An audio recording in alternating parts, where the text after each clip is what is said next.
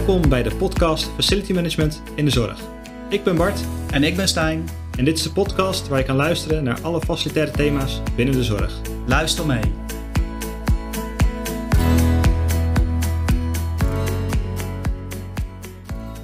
Ja, welkom allemaal bij weer een nieuwe podcast Facility Management in de Zorg. Ik ben Stijn en Bart is er ook. Hallo. En we hebben vandaag nog iemand in de studio. We gaan het hebben over resultaatgerichte schoonmaak. En ik dacht altijd dat ik dat thuis ook doe, resultaatgericht. Want ik poets alleen als het nodig is. Maar ik ben wel heel benieuwd hoe dat, eh, hoe dat er in de zorg uitziet. En daarvoor hebben we Hans Bronsma in de studio. En die komt ons iets vertellen over resultaatgericht schoonmaak. Hans, welkom. Ja, dankjewel. Eh ik zal me even voorstellen, Hans Bronsma. Ik kom eh, uit het midden van het land. Ik ben sinds acht jaar ZZP'er in de facilitaire dienst. En ik heb heel veel ervaring in de zorg. Woon in verpleeghuizen, GGZ. En eh, ik heb ook gevangenissen aan de binnenkant bekeken, eh, Oh. zakelijk gezien. Ah, Interessant, Dus, eh, heel dat is ook- zakelijk. Ja. Dat is ook een vorm van zorg, eh, Ja, ja. grote zorg. En ook daar is schoonmaak gewoon wel belangrijk. Daar is schoonmaak heel belangrijk. Ja. Inderdaad. Nou ja, we, we hebben jou vandaag eh, uitgenodigd om over eh, resultaatgerichte schoonmaak te praten. Eh, want ja, we kennen elkaar al een tijdje en je hebt me wel eens verteld over een mooi project dat je hebt gedaan. Daar wat meer over vertellen? Ja, leuk. Superleuk dat ik eh, daarvoor uitgenodigd ben. Ik eh, heb in 2019 heb ik, eh, voor een overkoepelende organisatie Woonzorg in Den Haag gewerkt. En ik werkte daar samen met de GOM. En toen ik daar startte als interimmer, toen heb ik een van de opdrachten die ik heb meegekregen, was resultaatgericht schoonmaken op een van de acht, negen locaties. Om die pilot te draaien. Die was al gestart, twee, drie weken voordat ik binnenkwam. En ehm, nou ja, het liep gewoon niet lekker. We kregen het niet op gang. En na een maand dat ik binnen was, hebben we een overleg gehad met de locatiemanager. Ja, en dat was toch wel de, de, de conclusie dat het gewoon helemaal niet liep. Dus eh, ik ben eh, gaan kijken van, joh, wat gebeurt er eigenlijk in de schoonmaak? Hè? Hoe ziet zo'n dag eruit? Dus ik heb eh, s s'morgens om half zeven, kwart voor zeven met, met de collega's van de GOM hebben we een kopje koffie gedronken. Even met elkaar de dag bespreken. Gewoon meegekeken. Ja, en toen moest ik wel concluderen dat iedereen gewoon s'morgens om half zeven, kwart voor zeven binnenkomt. eh, een kopje koffie, zeven uur gaat starten. En de eerste gaat om half negen weg, de tweede gaat om elf uur weg. En uiteindelijk de laatste om twee uur. En toen had ik zoiets van, joh, maar weet je, we kunnen natuurlijk ook druppelsgewijs binnenkomen. Dus eh, de eerste om zeven uur starten en de laatste om vijf uur naar huis. Met de inzet van dezelfde aantal uren kan je gewoon eh, de hele dag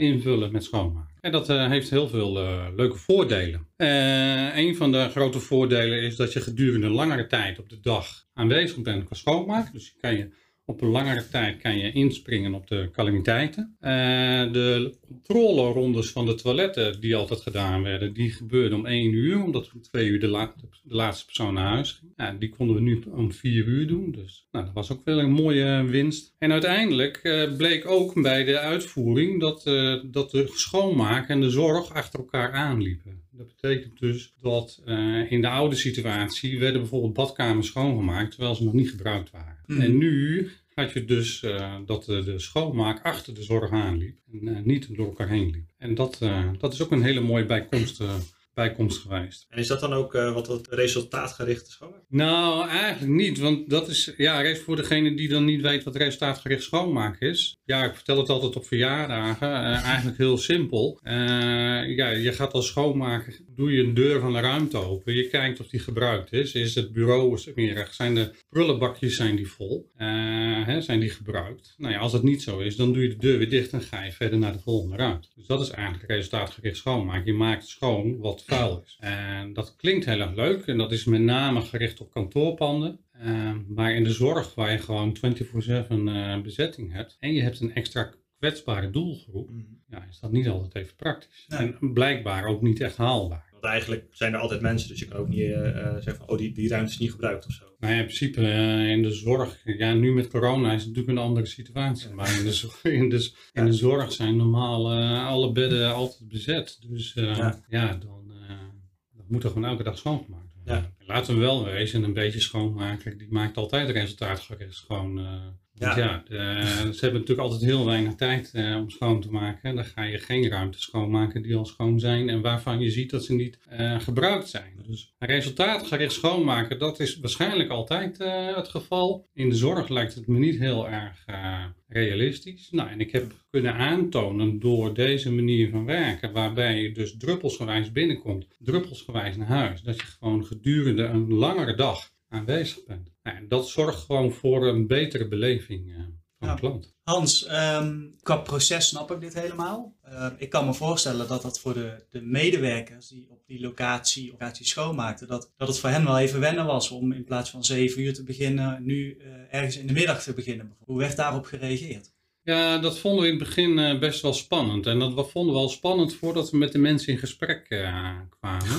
En uh, dat was natuurlijk in de voorbereiding uh, naar de gesprekken, de persoonlijke gesprekken toe. En heel veel mensen werkten er al 20, 30 jaar. En dan is het natuurlijk heel spannend om je, om je, je eigen routine, waar je privéleven ook op is uh, ingericht, om dat aan te moeten passen. In heel veel gevallen blijkt dat wel te kunnen, want de schoolgaande kinderen die zijn inmiddels wat ouder geworden en uh, die hoeven niet meer, uh, hè, de, de hoefmoeders niet voor uh, thuis te blijven, of vaders natuurlijk. Um, maar er zijn ook heel veel mensen in de schoonmaak die, die nog een tweede baantje hebben. Die hebben misschien nog een andere werkgever waar, waar ze aansluitend moeten. Dus ja, je moet wel een inventarisatie maken van joh, wie is bereid. En ik had natuurlijk in Den Haag, had ik de luxe dat we gewoon meerdere locaties hadden. Dus er zou eventueel ook geschoven kunnen worden met, uh, met medewerkers naar een andere locatie. Is dat ook mogelijk, hè? want het is via GOM, dus daar heb je ook nog een klant-leveranciersverhouding. Um, dus daar kan je ook nog wel wat sneller zijn. Dit willen wij gewoon op deze manier voor jullie afnemen qua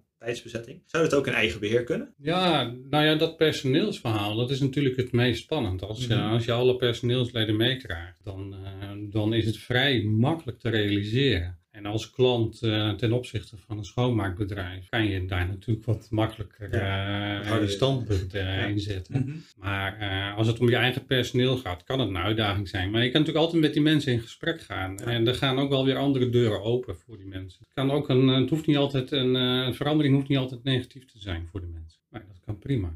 En ja, wat ik ook afvroeg, hè, als jij van ja, de beleving ging omhoog, heb je ook echt concreet gezien dat de kwaliteit, dus zeg maar wat meer de harde kant, hygiëne dus uh, beter werd op deze manier? Nou, ik moet heel eerlijk zeggen dat we dat bij deze pilot uh, hebben we dat niet getest. Dat was natuurlijk al gestart voordat ik binnenkwam, dus we mm -hmm. hebben geen uh, nulmeting oh, ja. kunnen doen.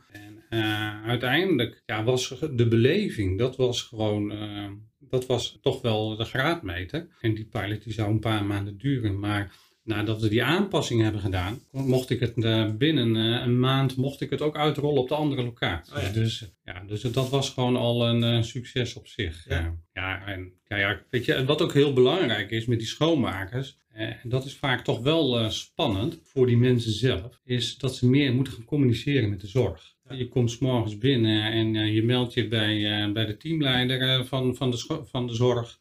En je vraagt of er bijzonderheden zijn voordat je gaat starten. En aan het eind van de dag uh, meld je nog even of uh, dan zeg je van joh, ik uh, ga zo dadelijk ga ik weg. zijn er nog dingen die ik nog moet doen voor voordat ik naar huis ga? Dus die communicatie tussen de zorg en de schoonmaak, die is ook heel belangrijk. Dat is iets wat daar los van staat, hè, van die hele pilot, maar die hebben we zeker meegenomen. Ook als resultaat dat, dat de beleving echt met grote stappen is verbeterd. En was dat een, ook een groot rem? Want het is best wel bekend dat, dat uh, de taalbarrière in de schoonmaak soms nog best wel uh, flink kan zijn. Uh, is het personeel er ook op geselecteerd? Of is het ook meer het personeel dat er was? Hebben we gekeken of we dat omhoog kunnen krijgen? Of cursus of training? Ja, ja ik, ik merk toch wel dat het altijd heel erg spannend is. En ja. Ehm, mensen die in de schoonmaak werken, en dat is eigenlijk heel erg jammer, want dat is zeker onterecht. Mm -hmm. Maar die hebben het gevoel dat ze ondergewaardeerd worden ja. door, uh, door mensen uit de organisatie. Uh, zo wordt het toch wel vaak, hebben ze het gevoel naar hun gekeken. Dus -hmm. het hoeft niet alleen een taalbarrière te zijn, maar het is ook uh, een, een, geen onderdeel uitmaken van. Oh, ja. Was je vraag? of, of jullie daar nog extra training voor nodig hadden, of dat personeel daar van tevoren? Nee, we hebben sowieso hebben het met dezelfde mensen oh, ja. gedaan. Uh, dat, was, dat was inderdaad ja. je vraag. en we hebben daar geen training aan hoeven, hoeven nee. besteden. En het is wel zo dat, eh, en dat zie je wel vaker, Mhm. officieel is het zo dat als een schoonmaakbedrijf ergens komt schoonmaken, dat de afspraak vaak wel is dat de mensen die daar werken in de schoonmaak, dat ze de Nederlandse taal Ja, moeten precies. beheersen. Ja. Mhm. En dat het in de praktijk niet altijd lukt, dat is het tweede. Ja, ja. Nou ja, dat was in deze, op deze locaties was dat prima te doen. Wat ik me ook wel kan... Stijn, heb jij nog gevraagd? Ik zit de hele tijd Ja, vragen. jij mag, Bart. Ja, ik vind het allemaal zo interessant. Ja. Je Vraag zit in een maar aan. goede flow. Vraag maar aan. Ja, ja eigenlijk eh, eh, klinkt het heel logisch in mijn hoofd. Hè, van je gaat eh, na, achter de zorg aan schoonmaken. maar in de praktijk zie ik toch heel vaak dat, wat jij net ook al gaf, aangaf, om 7 uur starten. En eigenlijk wanneer de zorg al op zijn drukste heeft, hè, iedereen uit bed, iedereen wassen, Mhm. ontbijten. Dat dan ook nog even de schoonmaker tussendoor op de afdeling is. Dat je gewoon echt een explosie van activiteiten hebt. Terwijl ik denk van ja, doe dat lekker in de middag of doe dat op een ander moment. Maar je ziet het nooit. En het, is, het klinkt heel logisch. Hoe kan het dat dit ook een van de eerste keer is dat ik dit hoor? Ja. Nou, dat, dat is zo grappig, want nou, nou je dat inderdaad zegt, want op een gegeven moment toen bleek het zo succesvol te zijn, dat ik ook met de, met de collega's van de schoonmaak om tafel zat. Ik zei van, joh, maar dit is toch niet heel, heel uniek wat we hier doen, maar dat moesten ze toch wel bevestigen, dat dit de eerste locatie was op dat moment in heel Nederland waar ze op die manier eh, werkten. En dan had ik echt zoiets ja, maar dit is eigenlijk heel, eh, heel logisch, Ja, toch? Ja, Ja. Nou ja, het kan in de schoonmaak, maar je kan het natuurlijk ook eh, doorvoeren in, in, in de catering, in de, in de horeca. Ja. Eh, de, de, je ziet vaak ook in ziekenhuizen dat eh, de avonden, daar worden de maaltijden geserveerd. Die, eh, die gaan om vier uur in de regenereerwagen of voor vier uur. En om vijf uur krijgen die mensen warm eten. Maar vanaf half vier is er niemand meer in de Zijn- keuken. Zijn Dus, de koks allemaal weg? dan zijn Ja. de koks allemaal weg. Ja.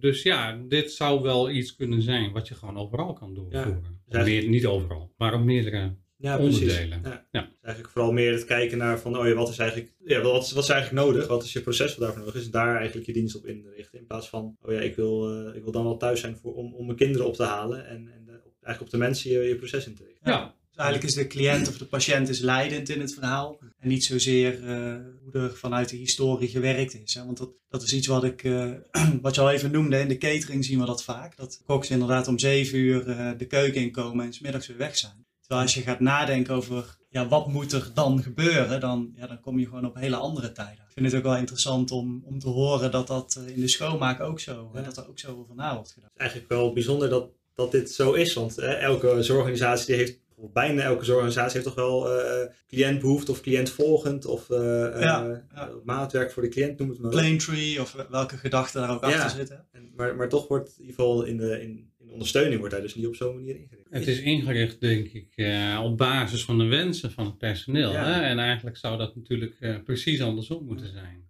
Kan dat ook te maken, is, is het duurder geworden? Heeft gewoon hier meer geld voor gevraagd om dit zo in te richten? Nee, helemaal niet. Want we hebben met dezelfde inzet van uren eh, hebben wij eh, een langer, langer deel van de dag eh, de schoonmaak kunnen organiseren. Door dus druppelsgewijs naar binnen komen en weer naar huis te gaan. Hebben wij gewoon dezelfde inzet van uren kunnen realiseren. Dus eigenlijk is dat ook geen excuus voor een organisatie om het, om het niet te overwegen in ieder geval. Ja, Bart, jij bent op zoek naar het addertje, hè? ja, ja, ja, ik denk- ja, het De kleine lettertjes. Ja, Hans, kun je daar iets over zeggen? Ja. Wat, wat is het addertje? Nou, de kleine lettertjes en het addertje. Nou, die, het enige, de enige obstakel eh, is toch echt wel het personeel. eh, die moet je mee zien te krijgen. Dus dat, maar dan Eh, kun je op voorhand kun je daar al over nadenken hoe je dat gaat doen, op welke manier, hoe je dat insteekt. Ja, ik denk als je gewoon met de mensen van de schoonmaak in gesprek gaat, dan, dan, dan hoeft dat misschien niet eens zo spannend te zijn zoals we het nu schetsen. Maar als er een obstakel is, is dat het. En eh, de medewerkers in de schoonmaak zien dat ook wel. Ik heb het toen in Den Haag gezien. Die zagen het ook wel als verbetering. We hebben ook mensen op een andere plek neer kunnen zetten. Vonden ze even spannend, maar uiteindelijk vonden ze het ook wel weer leuk om even een andere taken, andere omgeving. Dus daar zagen ze ook wel de voordelen van in. En ze kregen meer waardering voor wat ze deden. En ze hadden meer binding met de zorg. Nou ja, wat jij ook als voorbeeld gaf. Hè? Dus morgens heb je natuurlijk heel veel. eh, het, eh, het opstaan, het ontbijt, de pilletjes, het wassen, aankleden. Het is gewoon een heel druk moment van de dag. En als je dan ook nog als schoonmaker daar tussendoor moet manoeuvreren. Ja, dan is het voor iedereen denk ik een verbetering. Als je, als je dat beter gaat spreiden over de dag. Klinkt goed. Ja, kl- klinkt oplosbaar ook als dat het enige probleem is. Of uit- uitdaging. Hè. Het probleem Ja. is ook een groot woord. En, eh, en hoe heeft eh, de organisatie het echt ontvangen? Want je zei van, de- van de, de schoonmaak krijgt meer waardering, maar is het ook door de zorg gezegd van, oh ja, hier willen we niet meer terug? Of eh, hebben, ze het, hebben ze het gemerkt? Ja, alleen maar als, als verbetering. En eh, Nou, het was wel wel grappig dat ik zat uh, elke uh, twee, drie weken met de locatiemanager om tafel. Nou, iedereen die zat echt te springen dat we het op de andere locaties ook mochten gaan Ja. uitrollen. Dus ja, dat is gewoon hartstikke leuk geweest. Mooi. Heb jij nog een aantal tips voor de luisteraar? Stel, ze hebben zoiets van, nou, dit wil ik ook. Waar moeten ze dan waar moeten ze beginnen en hoe kunnen ze dit, aanvliegen? Ja, het is belangrijk om uh, eventjes de, de taken en de verantwoordelijkheden van de schoonmaakmedewerkers in kaart te brengen. Probeer de poppetjes geen naam te geven, maar kijk gewoon naar wat moet er gebeuren. Wat is het proces op de dag? Kijk dan of het efficiënter ingericht kan worden en ga gewoon open in gesprek met je medewerkers. En nou, kijk wat de mogelijkheden daar zijn. En uh, kijk, wat ik net ook al aangaf, wat, wat, op het moment dat je iemand hebt in de schoonmaak die van 7 tot 9 schoonmaakt en om half tien ergens anders aan, aan het werk moet, ja, dan, dan, dan is zo'n persoon niet heel erg flexibel. Uh, dan moet, we, moet je samen moet je daaruit proberen te komen. Nou ja, en dan moet je uiteindelijk uh, de taak en verantwoordelijkheden opnieuw in gaan delen. En dan maar gaan met die banaan. Go for it. Go for it. Nou, ik denk dat dit, uh, iedereen die dit hoort en die denkt van, oh ja, mijn organisatie heeft ook iets van cliëntgericht uh, in, de, in de missie of de visie staan, uh, dat hij dit maar eens moet overwegen. Ja, lijkt me ook. Ja. Ik, ik, ik, hoor geen reden om het in ieder geval niet eens te, te onderzoeken van, nee, is het ook iets voor ons? Ja, volgens mij kun je er niet omheen als organisatie, nee, toch? als ik het zo hoor. Hans, jij als expert, jij kan organisaties daarmee verder helpen, hè?